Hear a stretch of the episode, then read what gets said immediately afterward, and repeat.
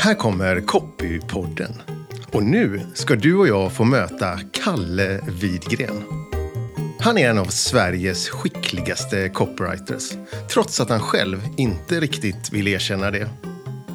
Han driver byrån TBVA och har genom åren gjort finfina jobb för Oddset, Adressändring, Saab och många fler såklart.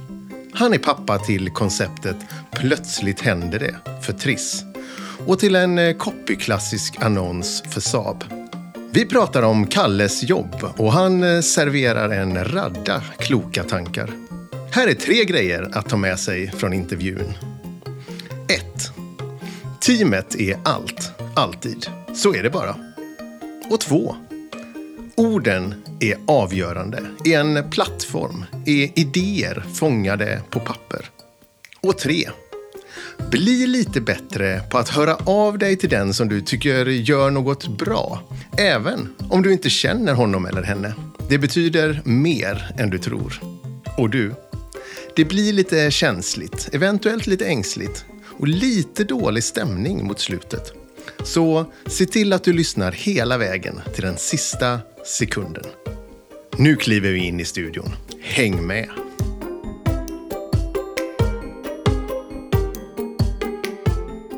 Kalle, jag vill eh, börja och snacka med dig om en annons. Och när jag eh, berättade för en tidigare reklamstudent till, till mig om att jag skulle träffa dig och snacka om den här annonsen så sa han Åh herregud, då får du hälsa från en hemlig beundrare. För han sa till och med så här. Den där annonsen var liksom själva anledningen till att jag valde att bli copywriter. Hur, hur känns det att ha skrivit den där annonsen? Och vi ska snart snacka om vilken såklart. det är väl skitkul um, att någon har kommit på att de skulle bli copywriter um, efter den annonsen. Den handlar ju om någonting så torrt ändå som bilsäkerhet. Just det. Ja. Och den är gjord, uppdragsgivaren är ju Saab. Mm. Se hur det gick. Se hur det gick, mm. ja. Precis. Men eh, då, 2008 eller 2004, var är vi någonstans i, i tiden? Är vi ju längre tillbaka än så. Den eh, är väl från 2003 tror jag. 20-årsjubileum. Eh, Exakt. Ja. Då, då var ju eh, Saab ett starkt varumärke.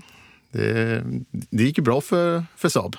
Det gjorde det. Och det var ju, alltså hela annonsen bygger väl egentligen på en undersökning som försäkringsbolaget Folksam gjorde om vilka bilar som var säkrast i verkligheten. Eh, Volvo var ju kända för säkerhet, men Saab vann den där undersökningen år efter år. Mm. Jag är inte ens säker på att det var meningen att det skulle bli någon annons från början eller om det var en rubrik till en broschyr eller någonting som skulle skrivas eh, någon annanstans. Det, eh, men det blev en annons till slut, vilket ju var kul. Minns du vad som var uppdraget från, eh, från Saab det är 20 år sedan, men det handlade väl just om att göra någonting kring den eh, Hur säker är bilen? tror jag är, är den intressanta titeln på undersökningen som handlar om hur säkra bilarna var. Mm, hur säker är bilen? Ja, det kan vara fel, men jag yeah. tror det. Och I den här undersökningen så, så kom eh, Saab, har jag läst mig till, mm. långt före Volvo i, eh, i liksom rankingen. Och utmaningen för er gissar jag var att eh, i folks huvuden så är Volvo liksom tydligast kopplat till, till säkerhet. Många tänker ju det är världens säkraste bil. Och det är också Sveriges säkraste bil. Då. Så här, det var inget långt projekt med mycket diskussioner om strategier och vilket varumärke som stod för vad. Men det är klart att Volvo var ju kända för säkerhet. Mm. Utan det här, den här undersökningen hade kommit, Saab hade vunnit igen. Den skrevs dagen efter Guldäggsgalan 2003, eh, lite på bakfyllan om vi ska vara helt ärliga. Um, och jag är som sagt inte säker på att det skulle bli en annons, men tack vare en massa duktiga kollegor runt omkring på Brimfors, som den byrån hette, så, så blev det en annons som ju blev rätt bra ändå. Hade du kommit tillbaka till, till, eh, till byrån på kontoret dagen efter guldäggsfesten när, när den här rubriken liksom? Ja, ja, exakt. Mm. Briefen hade säkert legat där ett tag, som det ju blir ibland. men någonting skulle göras. Rubriken på den här annonsen är att krocka med en Volvo är väldigt säkert om du sitter i en Saab. Precis. Hur kändes det när du liksom kom på den där vändningen som finns i, i den där rubriken? Men det tror jag är en känsla som, som man är bekant med när man jobbat ett tag. Ibland känner man så här, men det där kommer ju funka. Det där blev bra. Men det var ju inte så att jag började springa runt eh, på kontoret på Brimfors och skrika vilken otrolig rubrik jag precis skrev. Ja, men det, det, det kändes väl som att det här kan funka. Mm. Och sen fick jag som vanligt eh, kämpa mig igenom för att skriva en eh, duglig brödtext. Den är väl 3 plus eh, kanske. Om jag är snäll. Det är en bulktext, brukskoppy. Kämpar du med att skriva brödtexter och lite längre texter? Jag är ingen briljant skribent på något sätt. Jag får jobba en del med det. Ehm, så, det finns andra som är otroligt mycket bättre på det och har ett, liksom, en lätthet och flyt i saker. Jag, jag är okej okay på att skriva, men inte så mycket mer än så. Och sen har jag skrivit några okej rubriker också genom åren. Som kanske, eller ja, vad fan, den är väl bra den rubriken, det kan man väl ändå erkänna. Att krocka med en Volvo är väldigt säkert, om du sitter i en Saab. Mm. Jag använder den när jag utbildar och inspirerar i copywriting, framförallt till reklamstudenter. Och eh, jag tycker att den, liksom, den rubriken fångar ett oerhört kraftfullt knep som vi copywriters använder oss av. Och det är inte alltid man kan eller får möjlighet att använda det. Men det är ju den här grejen av att du leder läsaren tankemässigt i en riktning och sedan tvärvänder, liksom, drar undan mattan. Det skapas en helt ny förutsättning. Just det. Har, har vi något ord för det? Nej, inget, inget jag känner till. Det här är väl tricket att, att krocka med en Volvo betyder två saker. Alltså både sitta i en Volvo eller sitta i en Saab då, i det här mm. fallet. Och liksom, då blir ju vändningen också ganska självklar efter det. Just det, man leker, du leker med den där. Det finns ju en dubbel, det kan tolkas på båda sätt. Det kan tolkas på två sätt, ja. Precis. Har den där rubriken förföljt dig? Liksom? Har det... Ja, berätta. Det är väl ett starkt ord, förföljt ändå. Det är, en, eh, det är en annons som är 20 år gammal, men jag tycker vi har haft en ganska...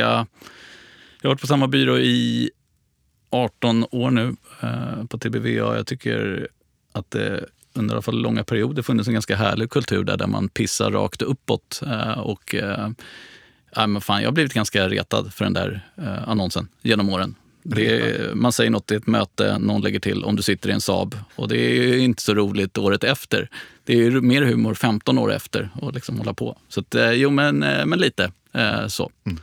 Behöver man verkligen första meningen? Ja, så. Gå igenom brödtexten i 15 år gamla jobb. Det är ju något speciellt tycker jag med att prata om 20 år gamla grejer. Jag kommer ihåg, jag tror att han heter Björn Engström va, som är på Forsman. Ja. På någon guldäggsfest när han hade vunnit platinägg. Och man pratade om att han aldrig någonsin tänker på gamla jobb. Han tänker bara på nästa jobb.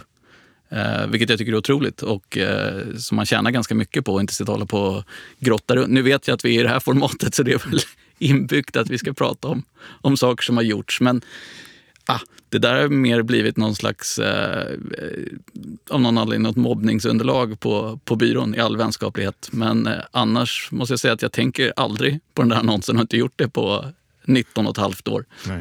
Um, Men var den ändå liksom startskottet på något sätt för, för dig? Var det där det är, så funkar ju vår bransch. att Om man eh, blir uppmärksammad för jobb så är det klart att det säkert liksom hjälper en så kallad karriär framåt. Mm. Ehm, så är det ju.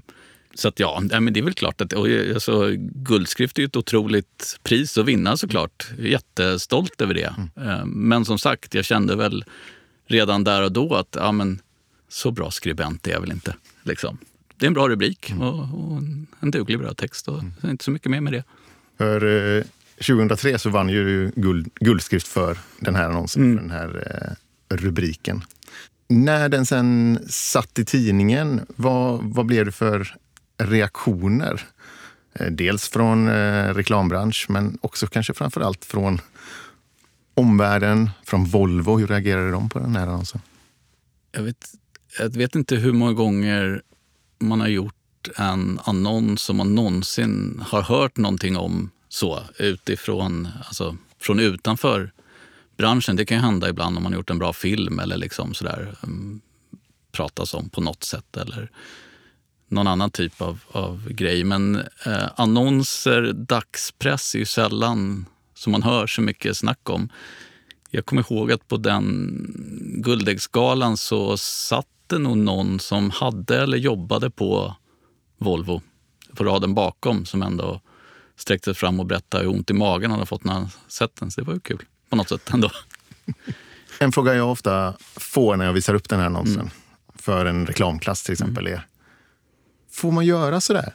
Får man använda, får man använda Volvo på, på det sättet? Och jag säger eh, troligtvis inte. Det är renommésnyltning.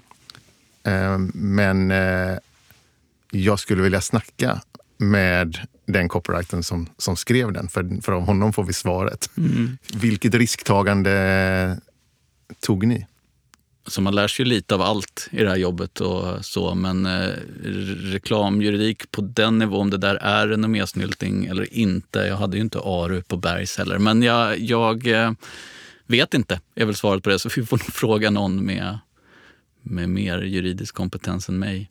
Var det någon i arbetsgruppen eller på Saab i möten hos er som, som sa äh, vänta lite nu, vågar vi, vågar vi verkligen liksom köra, köra det här racet? Ja, men jag tror att det var en liten diskussion, eh, om jag minns det rätt. Men det var också ganska snabbt. Det skulle, liksom, som det är ibland i vår värld, det skulle gå fort. Eh, så att jag, ja, inga stora saker vad jag kommer ihåg. Kan det vara så att man kalkylerade risken för att bli, bli stämd jag, jag har ärligt talat ingen aning, men däremot kan man väl alltid när man i sådana fall fundera på så här, men hur kul är det för det andra företaget att dra det här till domstol och sitta med det här? Kanske inte. Kanske bara göra den här undersökningen och det faktum att Saab där och då var säkrare ännu mer känt. Men för att bara snabbt återvända till, för jag kommer ihåg att när jag då vann det där priset så fick jag ett mejl av Kalle Levenhaut som jag inte har träffat innan och jag tror aldrig jag har träffat efter men som jag blev otroligt glad över. För det var ju eh, en copywriter som hade skrivit annons för Cancerfonden fyra år innan som jag fortfarande tycker är otrolig. Mm. Jag läste den för inte så länge sen igen. Ehm, jag behöver grina varje gång jag läser den för jag tycker den är så bra. Ehm, men poängen med det hela, förutom att jag fick ett mejl av Kalle, eh, väldigt fint gjort av honom, är att man själv ibland känner att man är jävligt kass på det. Att berätta för folk när de gör något bra. Jag tycker man borde göra det mycket oftare mm. än, än, vad man gör. Även om man inte känner dem. Det var fint gjort av honom tycker jag. Uh, så att, ja, men eh, det, det, var väl liksom en reaktion jag ändå minns. Sen är det klart att så här, det var väl... Eh, det är klart att det blev kul på byrån. Man vinner priser, det var en bra annons och så. Mm. Men inte så, ja. Så typ. Du gick vidare? ja, det måste man väl ändå göra.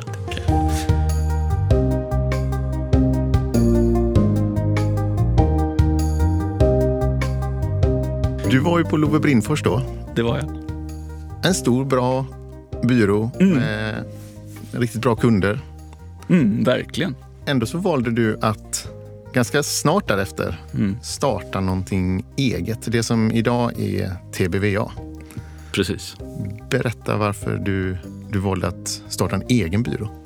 Jag fick frågan um, och det var personer inblandade som jag tyckte väldigt mycket om och som jag beundrade väldigt mycket.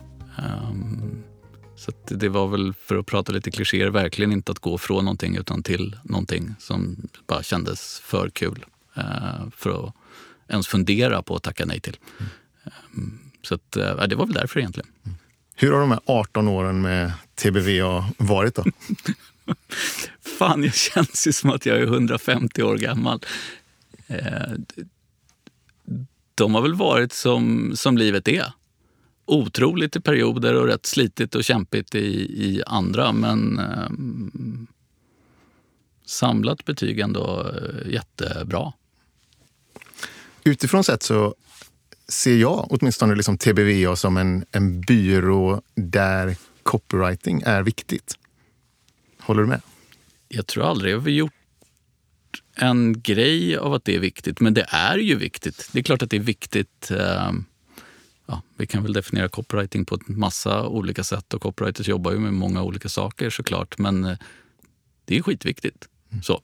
Men det är inget som så här, sitter inget manifest i entrén på TBVA om copywritingens roll i samhället. Utan det är mer som, som fan, alla, alla är rätt viktiga om det ska bli bra. Mm. Ganska många som måste göra ett väldigt bra jobb för att något ska komma ut och vara bra. Hur definierar du copywriting? Ingen aning faktiskt, men det handlar väl om att... Alltså, ja, det är klart att det handlar om att ha ett huvudansvar för eh, det skrivna, det man gör. Men det är, har för min del varit en ganska liten del av jobbet. Man försöker göra något eh, smart och bra som ändå kan få folk intresserade av något som de inte är så intresserade av från början. Sen har man ett huvudansvar för att skriva eh, om man är copywriter. Eh, men det är ju ett enda stort eh, lagjobb för att göra någonting smart och intressant. Mm. Ibland känns det som man liksom fastnar att hålla på att definiera vad kreativitet är på den, alltså så att det ordet nästan blir svårt att förhålla sig till. Um, det handlar väl bara om att göra något intressant. Mm. Det där ordet in, intressant återkommer du till. Mm. Och jag har läst i, i tidigare intervjuer när mm. du har blivit tillfrågad av, mm. av eh, Resumé till exempel om att du ser, ja, men det är... säger samma sak i 20 år. Ja, men det, men det säger någonting. Vad, vad lägger du i intressant? Att göra någonting som är intressant för folk att ta del av. Och då sa du i någon intervju att det, liksom, det kanske inte är, kanske inte är liksom, det, det finns inte ett magiskt eh, eh, antal sekunder som en film ska vara eller när du ska liksom ha väckt uppmärksamheten. Utan så här, är det tillräckligt intressant så kommer folk att titta. Ja, men så är det väl. Det tror jag väl fortfarande. Sen är det klart att det kan finnas format och, och saker som kräver olika... Men den diskussionen kan man väl flytta bort från film. Det görs ju... Majoriteten av alla kommersiella budskap du möts av under en dag är ju ren dynga, om vi ska vara ärliga. Det är ju fullständigt ointressant och rätt trist. Så är det ju, eh, tyvärr. Det är klart att det finns en möjlighet att berätta saker på ett sätt som människor ändå tycker är lite kul. Eller ledsamt, eller väcker någon slags känsla. Och det är väl det vi jobbar med hela dagarna. Mm. Vilken fantastisk möjlighet, tänker jag. Ja, det är skitkul. Det är, ja, det är otroligt roligt. Eh, då och då. Inte, inte 9 till 5, måndag till fredag. Men det är klart som fan det är det. Mm. Det är ju jätteroligt.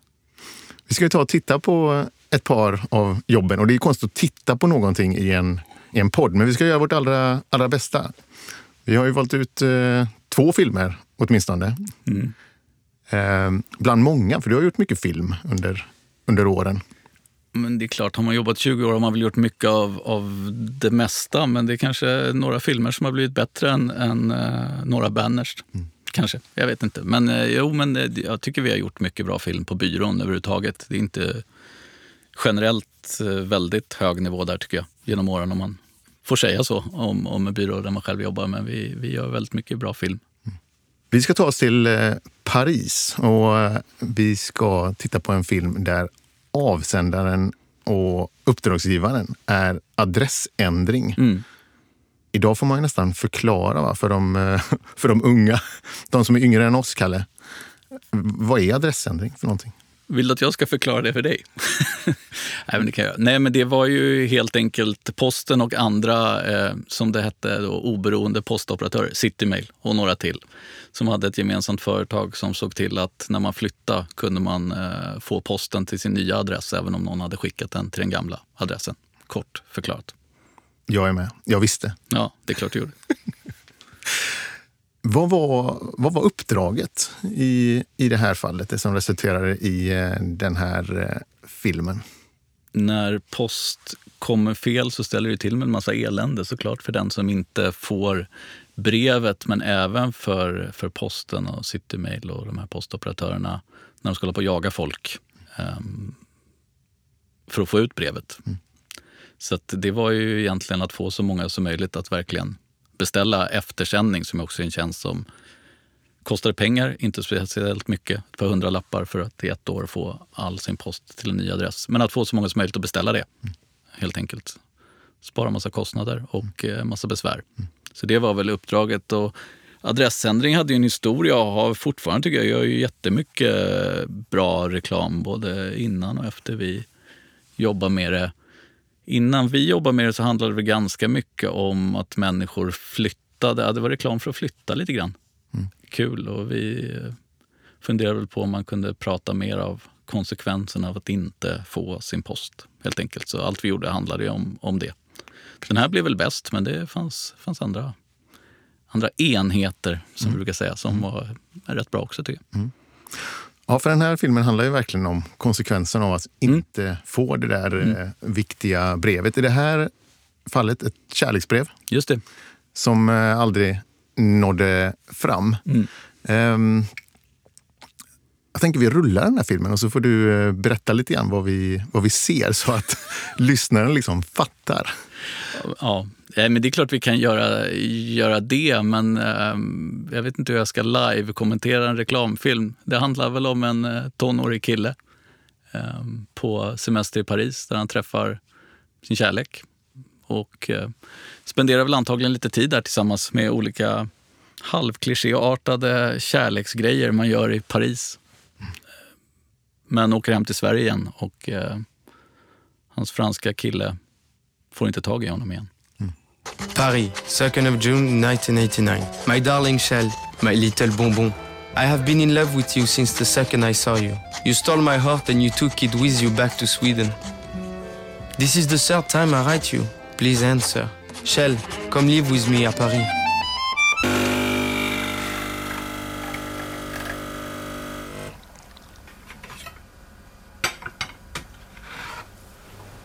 En croissant?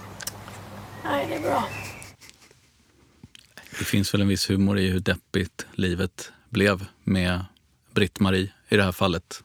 Såklart.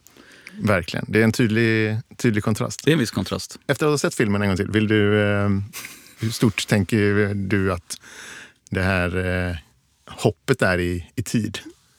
Det, i antal år är det väl ganska långt, men filmen handlar om Kjell som har varit på eh, semester i Paris och träffat sitt livs kärlek. Eh, sen åkt hem och eh, tyvärr får den här killen inte tag i honom nu. Så nu lever han istället med Britt-Marie. Mm. Vilket kanske inte var vad han såg framför sig. Mm. Man kan väl diskutera om man ens hade behövt säga att Kjell idag lever med Britt-Marie eller om man bara hade kunnat säga missa ingen viktig post. Men jag tycker ändå att det finns finns något roligt med att idag lever Kjell med Britt-Marie. Um... mm. Och det är verkligen ett tydligt break liksom från, eh, från... Ja, det är väl ett tidshopp på 20 år, liksom ja. vart livet tog mm. vägen. Så det är väl någon sliding doors-effekt uh, helt enkelt. Minns du idag vad du fick idén, inspirationen, den där tanken om att vi ska, så här ska det bli? Jag är inte ens säker på att det var jag som fick det. Det är igen ett, ett äh, lagarbete och äh, den här filmen, eller kampanjen och allt vi gjorde för adressändring är gjort tillsammans med Robert som var projektledare och Alex som var AD. Ulrika som var produktionsledare och Ingrid i ateljén. Ähm, allting handlade ju om konsekvenserna av att inte få post. Det var liksom någon som inte... Inkasso var ju ett självklart ämne Eh, någon som råkat illa ut så eller det var någon som hade fått svar från en läkare om en ärta som var uppstoppad i näsan men nu levde med en stor växt som växte ut från ansiktet. Och, och det här är väl också ett klassiskt tema, att man har träffat någon och den personen försöker få tag i en.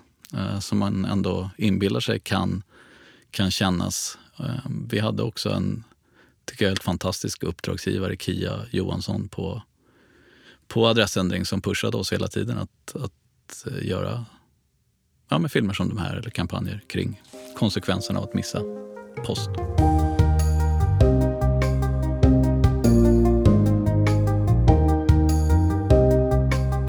Berätta om i, i Paris hur, hur filmen växte fram. Nej, men där är det ju också som, jag tycker när man gör film så finns det alltid, ja, vi kan göra det enkelt för oss, säg 20 procent då, ibland 80 procent också, men som avgörs av så små detaljer som är svåra att kontrollera egentligen. Här är ju, att den här filmen är så bra är ju också väldigt mycket tack vare Nisse Ljunggren och Max Vitali på ett produktionsbolag som heter Callboy, då tror jag. Ehm, vi spenderade några dagar i Paris och eh, försökte med de resurser vi hade trolla ihop en så trovärdig kärleksstory som möjligt där. Och ja, men den här gången blev det bra. Castingen blev bra och liksom, eh, de här två killarna tycker jag är fortfarande är, är jävligt bra. Um, ibland blir det inte så. Man har inte alltid kontroll och det får man väl lära sig leva med. Jag tror att någonting jag med... Alltså, vi är motsatsen till Björn Engström nu. Vi sitter och pratar om 20 år gamla jobb och hur det gick till. Um, det är... Man har inte full kontroll alltid. Man får liksom eh, också lära sig, eller jag har lärt mig i alla fall att de första filmerna jag gjorde var man så liksom inte nervös eller oh, alltså man ville styra allting och berätta. Man har hyrt in en regissör man tycker är skitduktig för att göra ett jobb och så var man där och pilla hela tiden. Och liksom, jag tycker filmer ofta det finns alltid ett par, tre diskussioner man alltid måste ha under en inspelningsdag eller någon gång innan. Men sen också låta dem som är, som är proffs göra sitt jobb. Eh, så ju mer man gör det, ju bättre film tycker jag ofta det blir. Det var nog kass på de första åren jag jobbade med det här, men kanske blev lite bättre. Nu var det väldigt länge sedan jag gjorde reklam överhuvudtaget. Men eh, jag tror jag lärde mig det lite. Det här var väl mot slutet av, av när man fortfarande gjorde saker eh, som kreatör i alla fall, eller som copywriter. Mm. Vad gör du numera då? Jag är någon slags eh, allt i allo. Eh, jag är vd på TBVA eh, men jobbar som projektledare med några uppdrag och eh, jag tror att jag är hyfsat eh, jag kan lite grann om ganska mycket eh, utan att vara bäst på något egentligen som vill är konsekvensen av det på andra sidan. Om det inte ja, men som någon slags eh, reklamgubbe. Jag har ju pratat med flera personer som har jobbat tidigare på TBV och som liksom mm. började sin, sin eh, yrkesbana där. Och de benämner ju dig som en, en, en copymentor. Håller du med om det? det är jättehedrande och kul eh, att de känner så. Um, och det är klart, jag, jag kan väl eh, betydligt mer om Copra. Jag är ju nog eh, norra Europas sämsta produktionsledare och eh, jag får inget rakt i keynote. Så jag tror att liksom kring idéer och strategier så, så fattar jag ändå lite mer. Så att jag liksom, där kanske jag kan bidra med mer också. Men att, att få team att fungera och jobba ihop och skapa så bra förutsättningar som möjligt är ju kul tycker jag. Mm. Eh, och det är väl det jag försöker jobba med så mycket som möjligt av, av min tid på jobbet. Mm. Men när du liksom tänker strategiskt och kreativt mm. och liksom skapar eh, koncept. Mm. Är orden viktiga i det arbetet? Ja, men avgörande skulle jag säga. För det är det det blir till slut, ofta. Sen är det klart att man eh, paketerar koncept i olika modeller, i olika presentationer och i filmer och sådär. Men det måste, någon gång måste saken ner på papper och då är väl ord det verktyget man har för att formulera eh, det där konceptet. Även om det inte hamnar några bokstäver i bild sen så någonstans finns det någonting som ändå sammanfattar både för att få en uppdragsgivare att känna hur bra det är men också för att ha någon slags plattform själv. Så det är klart att de är. Mm. Eh, ord har väl alltid varit viktiga i alla sammanhang, tänker jag. Mm. Vi ska strax snacka om eh, koncept, men mm, bara kort tillbaka till Paris. Härligt. Den här filmen är ju visuell. Den är ju som...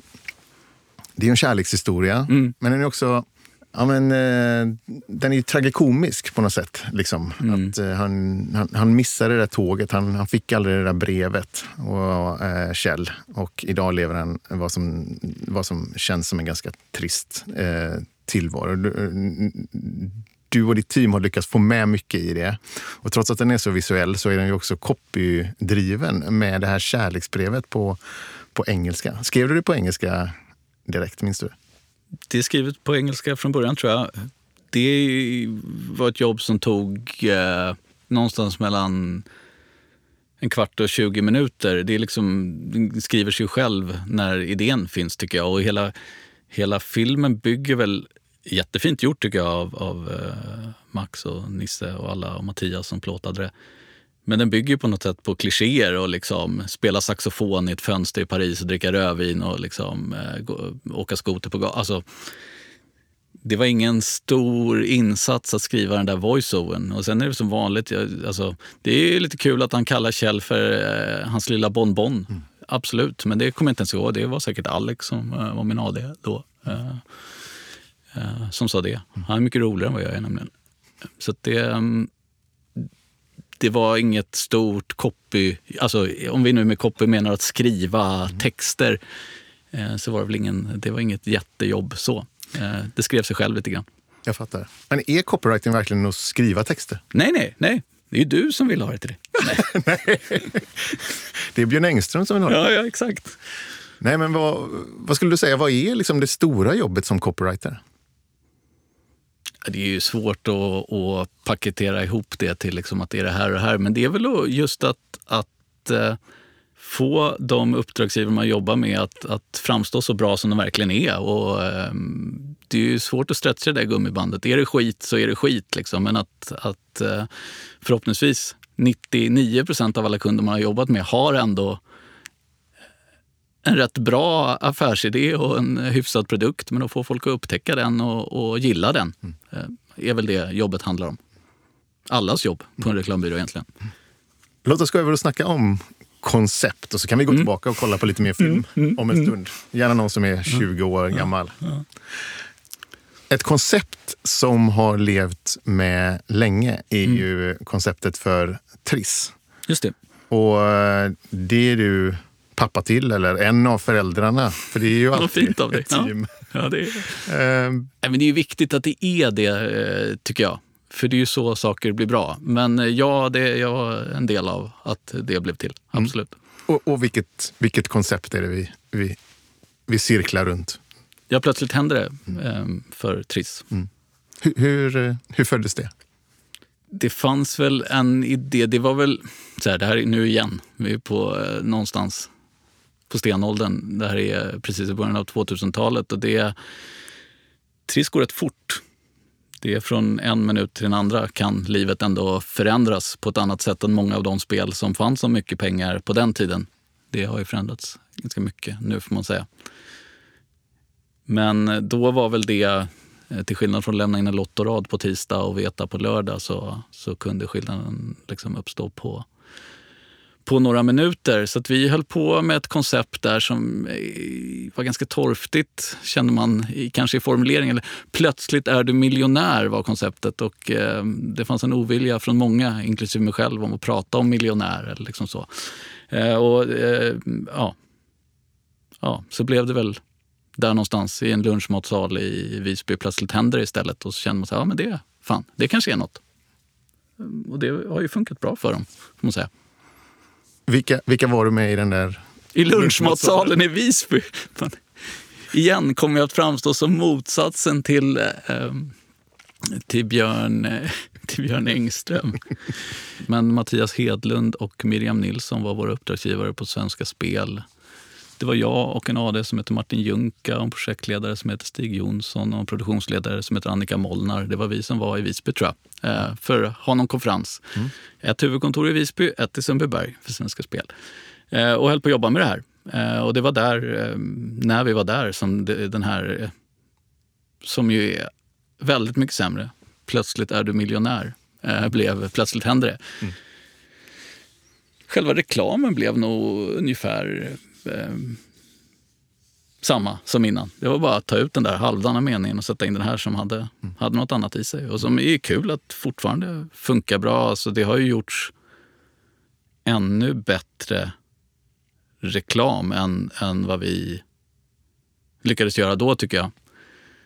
Vi gjorde ju första liksom, lanseringen av det här konceptet, eller vad man ska kalla det, fånigt att prata om lansering av koncept. När, vi- när vi började jobba med det här konceptet gjorde vi en film om någon som fick en bouillabaisse i huvudet på en balkong. Eh, som jag tror blev liksom utsedd till en av Sveriges, jag vet inte om det var 10 eller 20 roligaste reklamfilm genom tiderna. Den är ju ärligt talat inte topp 1000 tror jag. Eh, så, eller den, det finns ju saker som är kul med den, men det...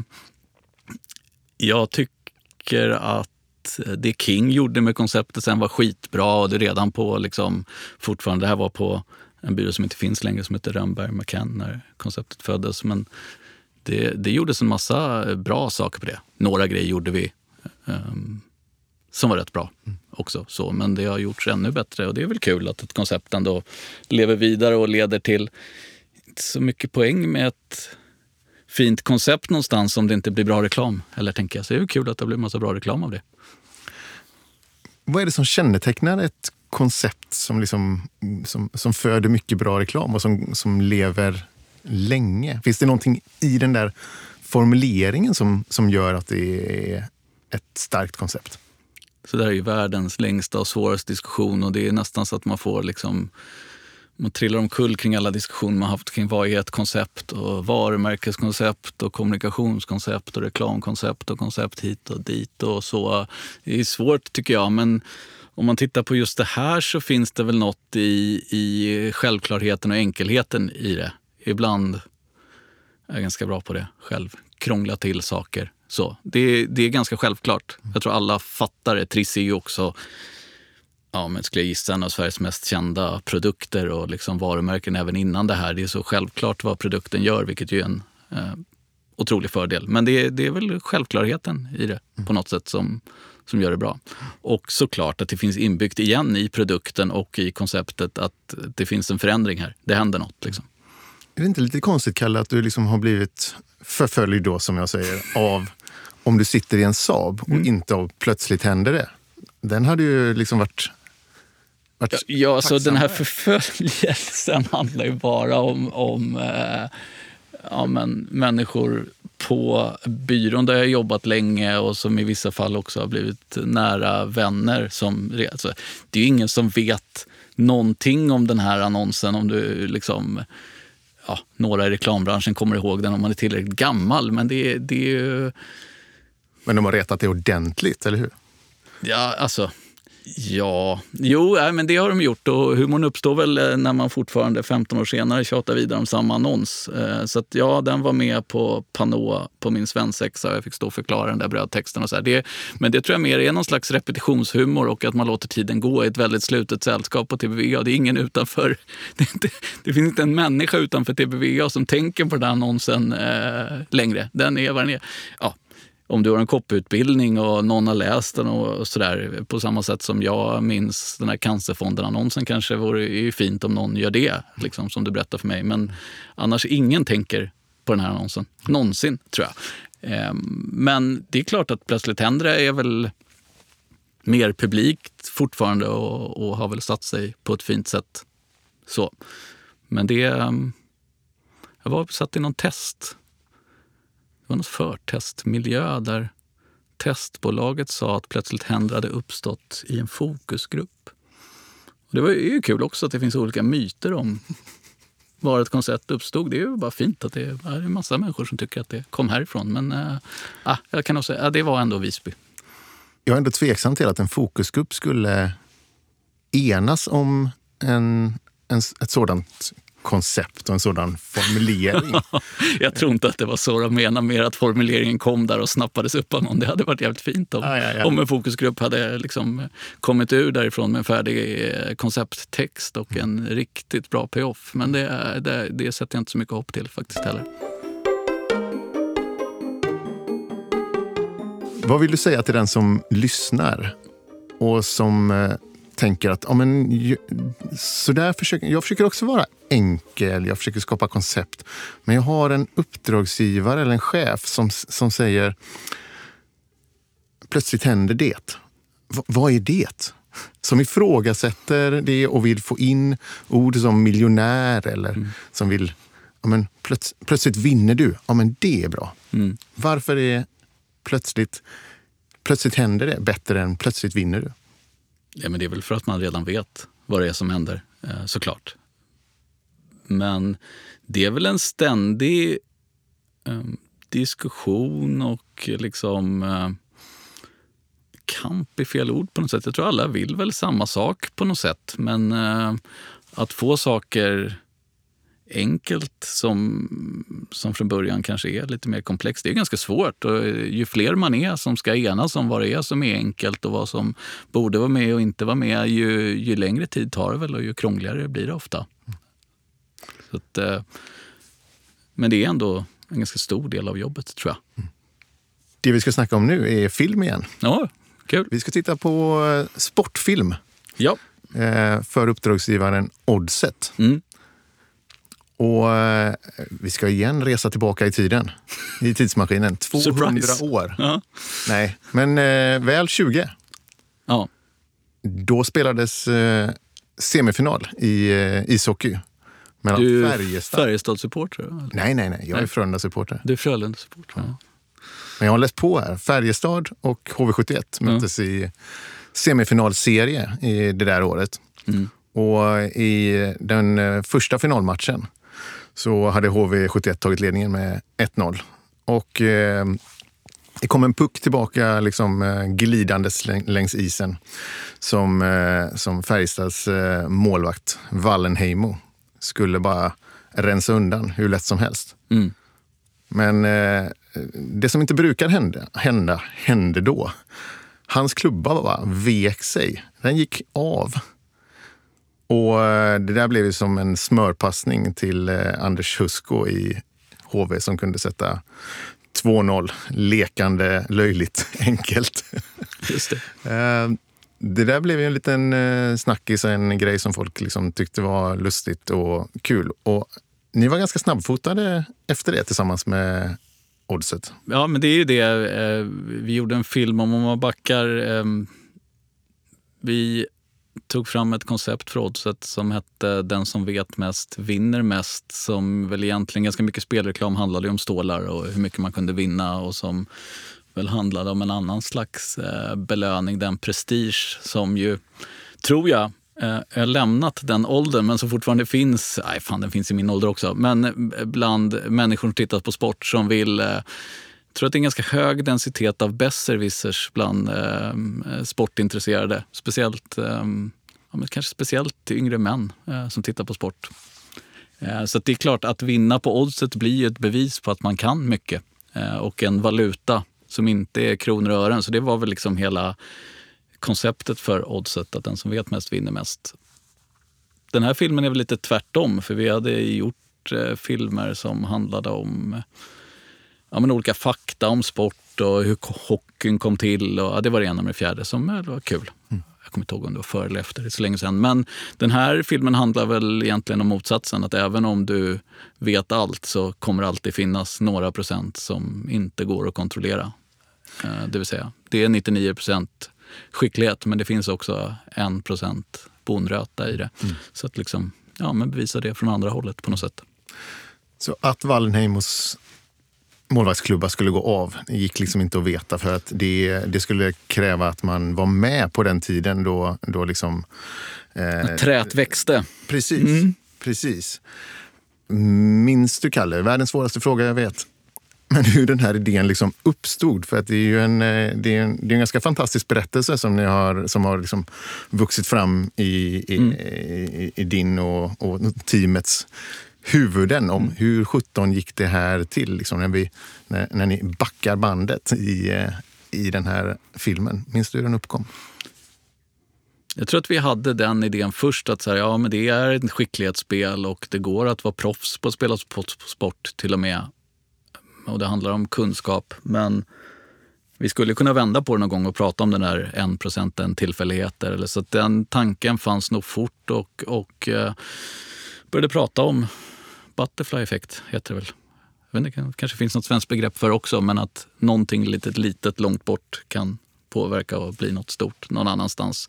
Och eh, ja, men svårare än så är väl inte idén. Sen var det väl att liksom bygga ihop den och se hur långt bort eller hur litet kan vi göra den där fjärilens vingslag då. Någon eh, får någon spann med skit i huvudet och drar en eh, muskötkula i ett träd 1726. Eh, eller vad det nu är, eh, som är väl filmens start. Och, eh, det känns som du, som du hånar mig lite för pratet om team, men det är ju samma sak här. Eller att det är, igen, Kalle Dalin som jag jobbade med på Oddset som är AD och Robert som var projektledare i Schelin. Och, eh, men vi jobbade ju ganska många år med Oddset och jag och Kalle framförallt jobbade extremt mycket tillsammans. Och det, det blev... Det finns ju för och nackdelar med det. Till slut känner man att den här idén har vi testat hundra gånger. Och bla bla. Men det finns också väldigt mycket fördelar med det tycker jag när man lär känna varandra och man vet direkt att ja, det här kommer bli bra. Och igen ett produktionsbolag som, som heter Camp David. Kristoffer von Reis och Peter Kütz som producerar som eh, gjorde det här möjligt. Eh, för det är ju en speciell inspelning. Kuska runt i Rumänien och leka medeltid. Och så. Så att, eh, det, eh, På nej, inget, det blir väl kul. på inget sätt vill jag ju håna dig för, för snacket om team. På, på, på, eh, på den punkten är du ju faktiskt eh, på pricken lik eh, Björn Engström. Ja, okej. Han lyfter ju alltid teamet och det gör ju egentligen alla kreatörer. Och alla kreatörer förstår ju också att det är alltid ett team som gör det. Det är inte, det är inte en, en enmansshow detta. Nej, det är det verkligen inte. Det är ju motsatsen. Däremot är väl världen konstruerad så, så att det lätt kan bli eh, fokus på, på enskilda individer ganska ofta. Och liksom, ja men den har gjort den här och hon har gjort den här och han har gjort det här och liksom så. Så det, det är härligt att alla, att alla ändå pratar om det, för det, det är ju så i det här jobbet. Eh, Det, och ganska mycket tycker jag avgörs av, av sammanhang eh, och hur man mår och trivs och kan liksom prestera tillsammans med andra. Jag tycker vi tar och tittar på filmen och så ska Ja, ja. du få... Ska, ska, Live ska jag live kommentera? Men det är väl helt enkelt en resa eh, genom åren från den här kulan som hamnar i ett träd till att trädet sågas ner och dras genom eh, en rumänsk by till ett sågverk. Eh, där någon har varit lite tung på, tung på flaskan och missar att eh, brädan är eh, trasig. Så det är en massa små tillfälligheter som leder till att Suni Wallinheimos klubba sen eh, går av. Du var grym på detaljerna kring eh, var vi var i eh, resultat och vilka som gjorde mål. Och... Jag har aldrig sett något liknande. Det hade du koll på. Anders Husko, var det han som gjorde målet? Ja, Ja. Mm. jag läste mig till eh, det. ja. Du Kalle, om du inte hade jobbat med reklam, om du nu hade valt att göra någonting annat, vad sjutton hade du gjort de dagarna då? Jag vet faktiskt inte. Jag har ju aldrig haft riktigt något, något annat jobb. Jag började på Bergs efter att ha gått några år på universitetet och eh, ja, började jobba direkt efter plugget på en byrå. Eh, och har gjort det i eh, ja, men lite drygt 20 år nu och eh, det har varit så kul så att eh, jag har inte funderat så mycket på att göra något annat egentligen. Så jag vet faktiskt inte vad, man, eh, vad det skulle vara. Eh, det ligger och funderar på det, men det finns liksom inga, jag har aldrig haft någon konkret plan på att äh, det här ska jag göra istället. Eller det här borde man göra. Vad är Kanske det, fattigt att inte ha någon, ha någon sån dröm. eller rikt att ha Ja. hittat Mm. Rätt. Mm. Vad, vad är det som gör det här jobbet så, så kul då? Dels så har väl jag haft eh, turen och förmånen att få göra ganska många olika saker på, på de byråerna. Dels olika uppdrag såklart, men också olika roller eh, på byråerna. Men framför allt så, och det är ju omöjligt för mig att veta, men jag har en känsla av att reklambranschen attraherar väldigt många roliga personer som, eh, som gör att eh, dagen blir kul. Så att, eh, och, och det är klart, är man så förhållandevis länge som jag varit på en byrå nu så hinner ju också saker hända. På gott och ont på byrån. Folk slutar, nya börjar. Så att det förändras ju. Jag tror en reklambyrå måste ju förändras hela tiden. Och det, så är det verkligen. Att det är ju något helt annat idag än vad det var för ja, men fem år sedan. Och väldigt mycket annorlunda än det var för tio år sedan, såklart. Så att, eh, det har alltid varit kul. Samlad bedömning. Det finns dagar som är piss också. Det gör det nog överallt. Blir du bättre med åren då? Jag hoppas ju det. Jag är väl inte en bättre kreatör. Det var som sagt länge sedan jag jobbade med att hitta på idéer. Men jag hoppas att jag hela tiden blir bättre och bättre på att eh, ja, men vara med och bygga en, en kultur och ett, ett sammanhang där människor trivs, mår bra och kan göra bra saker. Eh, Så det hoppas jag verkligen att jag blir. Eh, Det är ju enklare för andra att bedöma tror jag. Eh, För människor som varit med länge på TV att veta det. Än vad jag har svårt att veta själv.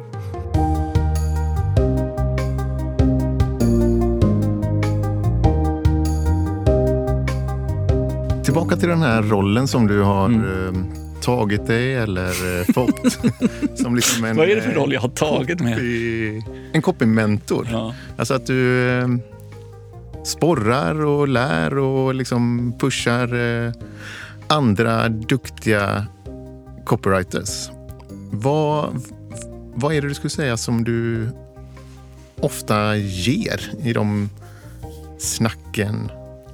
Igen så är det ganska svårt jag, att svara på själv. Jag vill nog också hävda att det beror på att vi har varit väldigt bra på att eh, lyckas få duktiga, ambitiösa människor, roliga människor att vilja börja på TBVA. Eh, och sen är jag jätteglad om det finns de som upplever att jag har, har liksom kunnat på något sätt hjälpa till eller bidra i, i deras utveckling. För det vill jag ju gärna göra såklart och det tycker jag man är ansvarig för att göra också. Om man nu är ändå vd på TBVA, då är det en del av, av jobbet och jag har ju varit kreativt ansvarig. Och så tror jag fortfarande det är på TBVA, att det är liksom inget jobb att sitta som någon dömande makt om idé A, B eller C är roligast, utan att eh, mer hjälpa andra att se till att jobben blir så bra som möjligt, mer än att sitta och välja mellan, mellan idéer om man leder det kreativa arbetet. Mm.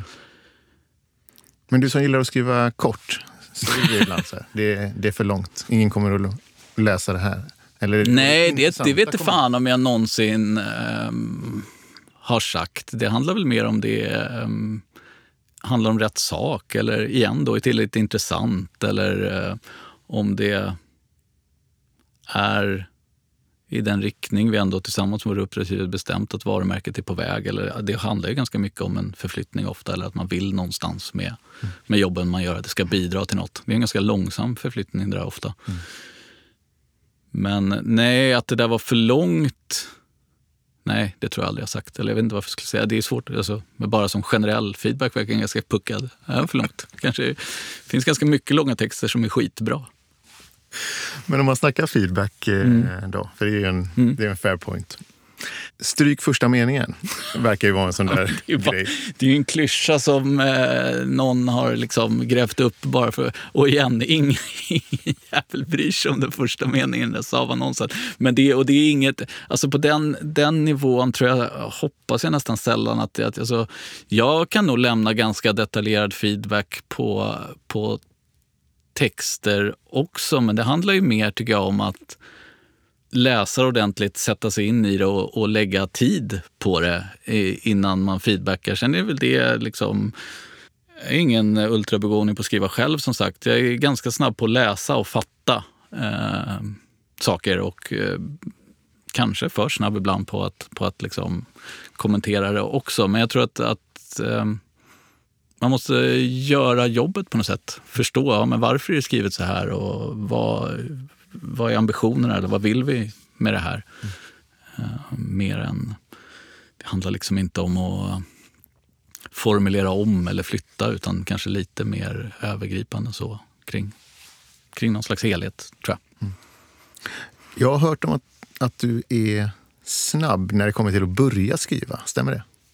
Det tror jag inte eh, egentligen. Jag, jag, jo, men det, ja, det, jo, jag kan nog vara snabb. Men sen eh, slängs det också ganska mycket och börjas om. och liksom så. Så det är klart att, och det tror jag är en grej som man...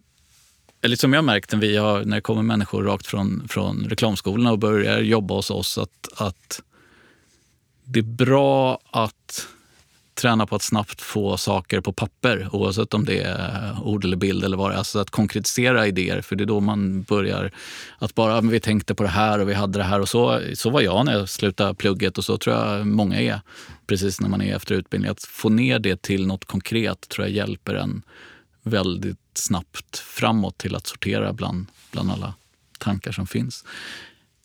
Det är svårt att bedöma om jag är snabb på att skriva. Det är, det är väl både och på något sätt. När du väl skriver, Mm. är, det, är det mest lust eller är det mest eh, ångest och vånda? Det är nog... eh, Men det är nog inte så mycket lust. Eller det är skitkul tycker jag att skriva rubriker men jag, är, jag får jobba som sagt med, med längre texter. Speciellt för att få någon slags eh, lätthet i det, något flyt. Jag använder alldeles för mycket förstärkningsord och adjektiv och liksom gödslar, smutsar ner saker med det, tycker jag själv, sen när jag läser det. Och, eh, nej, men det, det, det är nog mer ansträngande. Man får jobba för att det ska bli något. Liksom. Men så är det med det mesta, kan man ju känna. Det är ju få som har en sån unik begåvning att det bara flödar ut ur kroppen. Men det är visst, det finns de också. Så att vara copywriter är liksom inget glida-jobb? Finns det något som är det? Jag vet inte. Nej, men det är klart det inte är.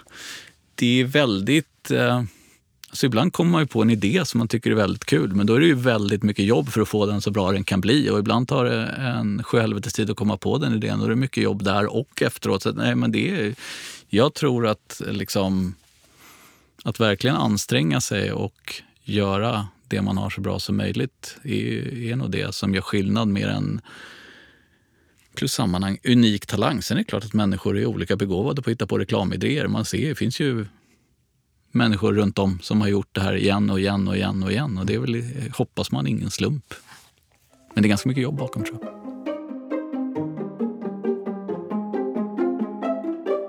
Jag har ju under det här samtalet eh, insett hur jag kan få dig att gråta.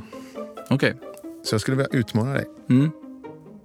att läsa den där annonsen som du tycker är riktigt bra och som eh, verkligen liksom får dig att känna någonting. Kalle Levenhaus Cancerfonden-annons. Exakt. Skulle du vilja det? Ja, Jag kan läsa den. Det är, alltså, nu blir det så speciella förutsättningar eh, här. Ja, jag, kanske, jag kanske börjar gråta, vem vet? Ja, Jag kan absolut läsa den. Mm. Den är skitbra. Varsågod. Varje människa bär på något gott, glöm aldrig det pojkar, sa pappa till mig och min bror. Själva var vi inte helt övertygade. Det fanns en kille som hette Rudolf i 7B som gjorde oss tveksamma varje rast. En dag fick pappa cancer. Troligtvis är det ingen fara på taket. Det hela ordnar sig säkert ska ni se. Så oroa er inte för mycket över det här är ni snälla pojkar. En sjuksyster mötte utanför pappas patientrum för att förbereda oss. Så här elva år efter minns jag något om mycket slangar i näsan och att cancern satt i levern, vilket ansågs allvarligt. Mina föräldrar skildes när jag var fem sex år. Vi bröder upplevde det som en lycklig skilsmässa. Långt upp i åldrarna firade vi gemensamma jular där alla i storfamiljen ringdansade granen och spelade Filippin. Men naturligtvis såg vi mer av vår mamma än pappa. Det var mycket slangar och många gick till näsan.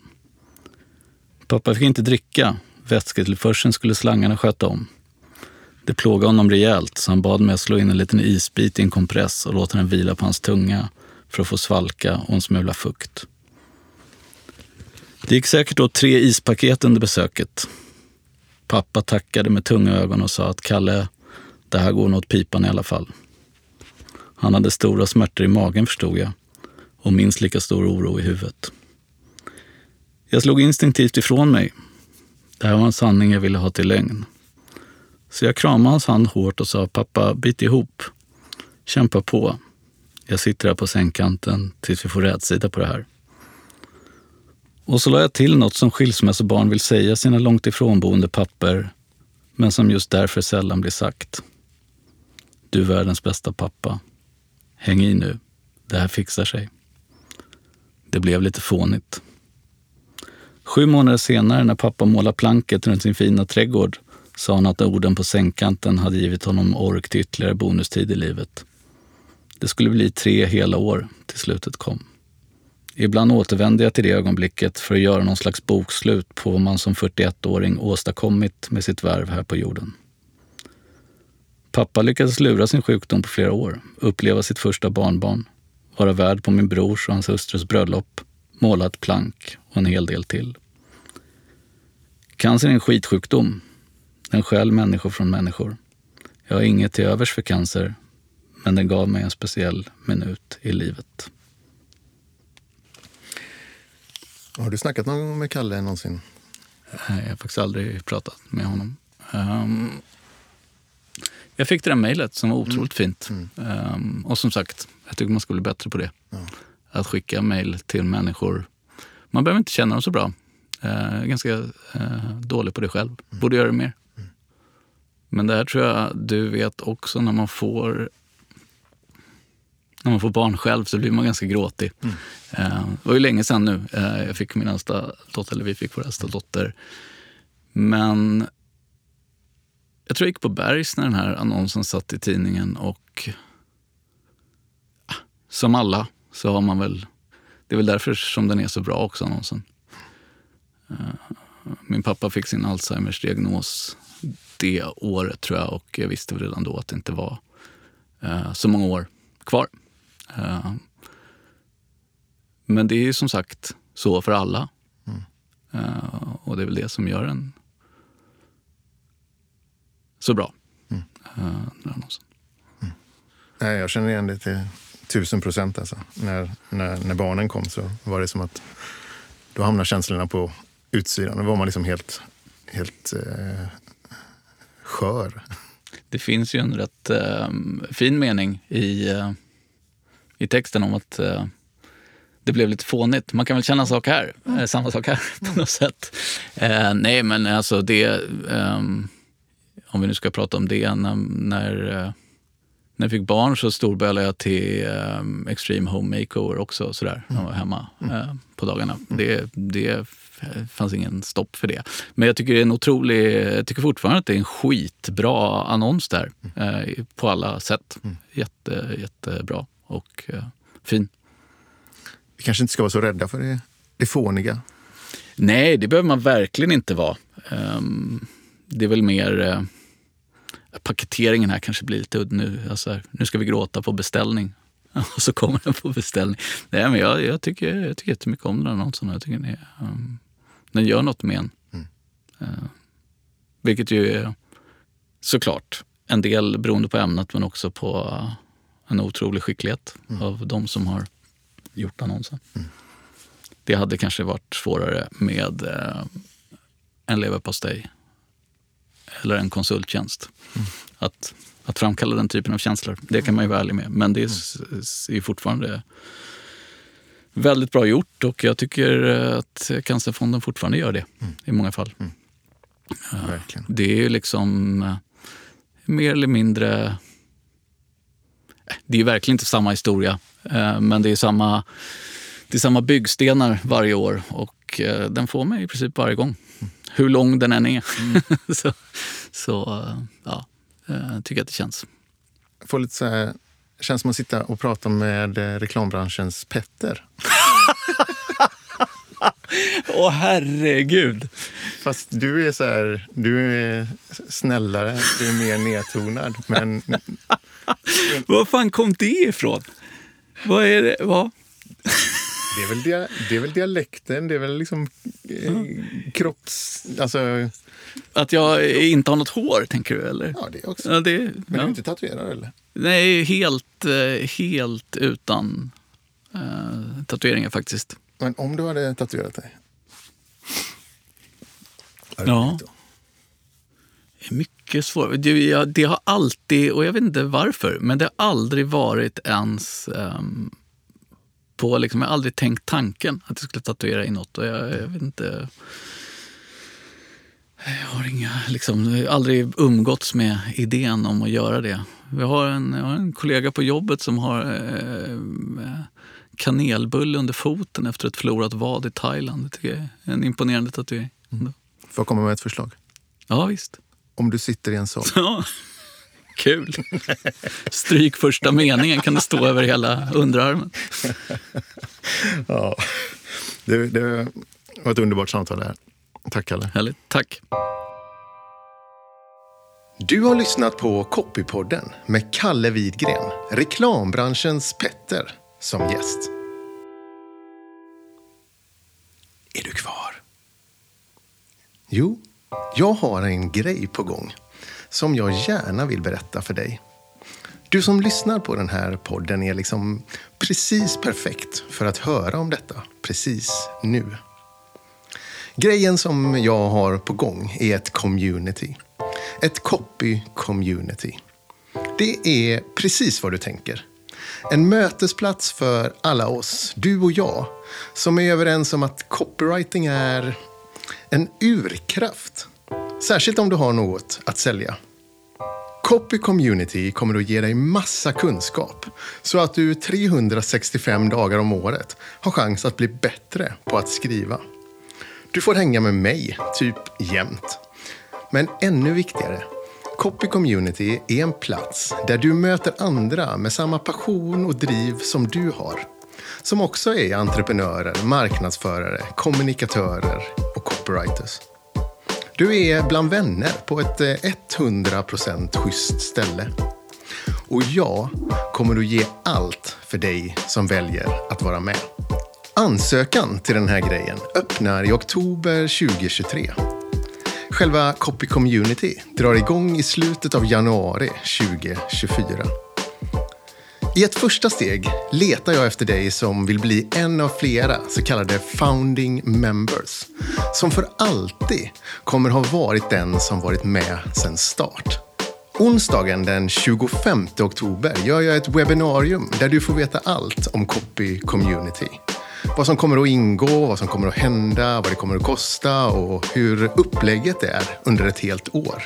Skicka ett DM till mig på LinkedIn så ser jag till att du blir inbjuden till det webbinariet.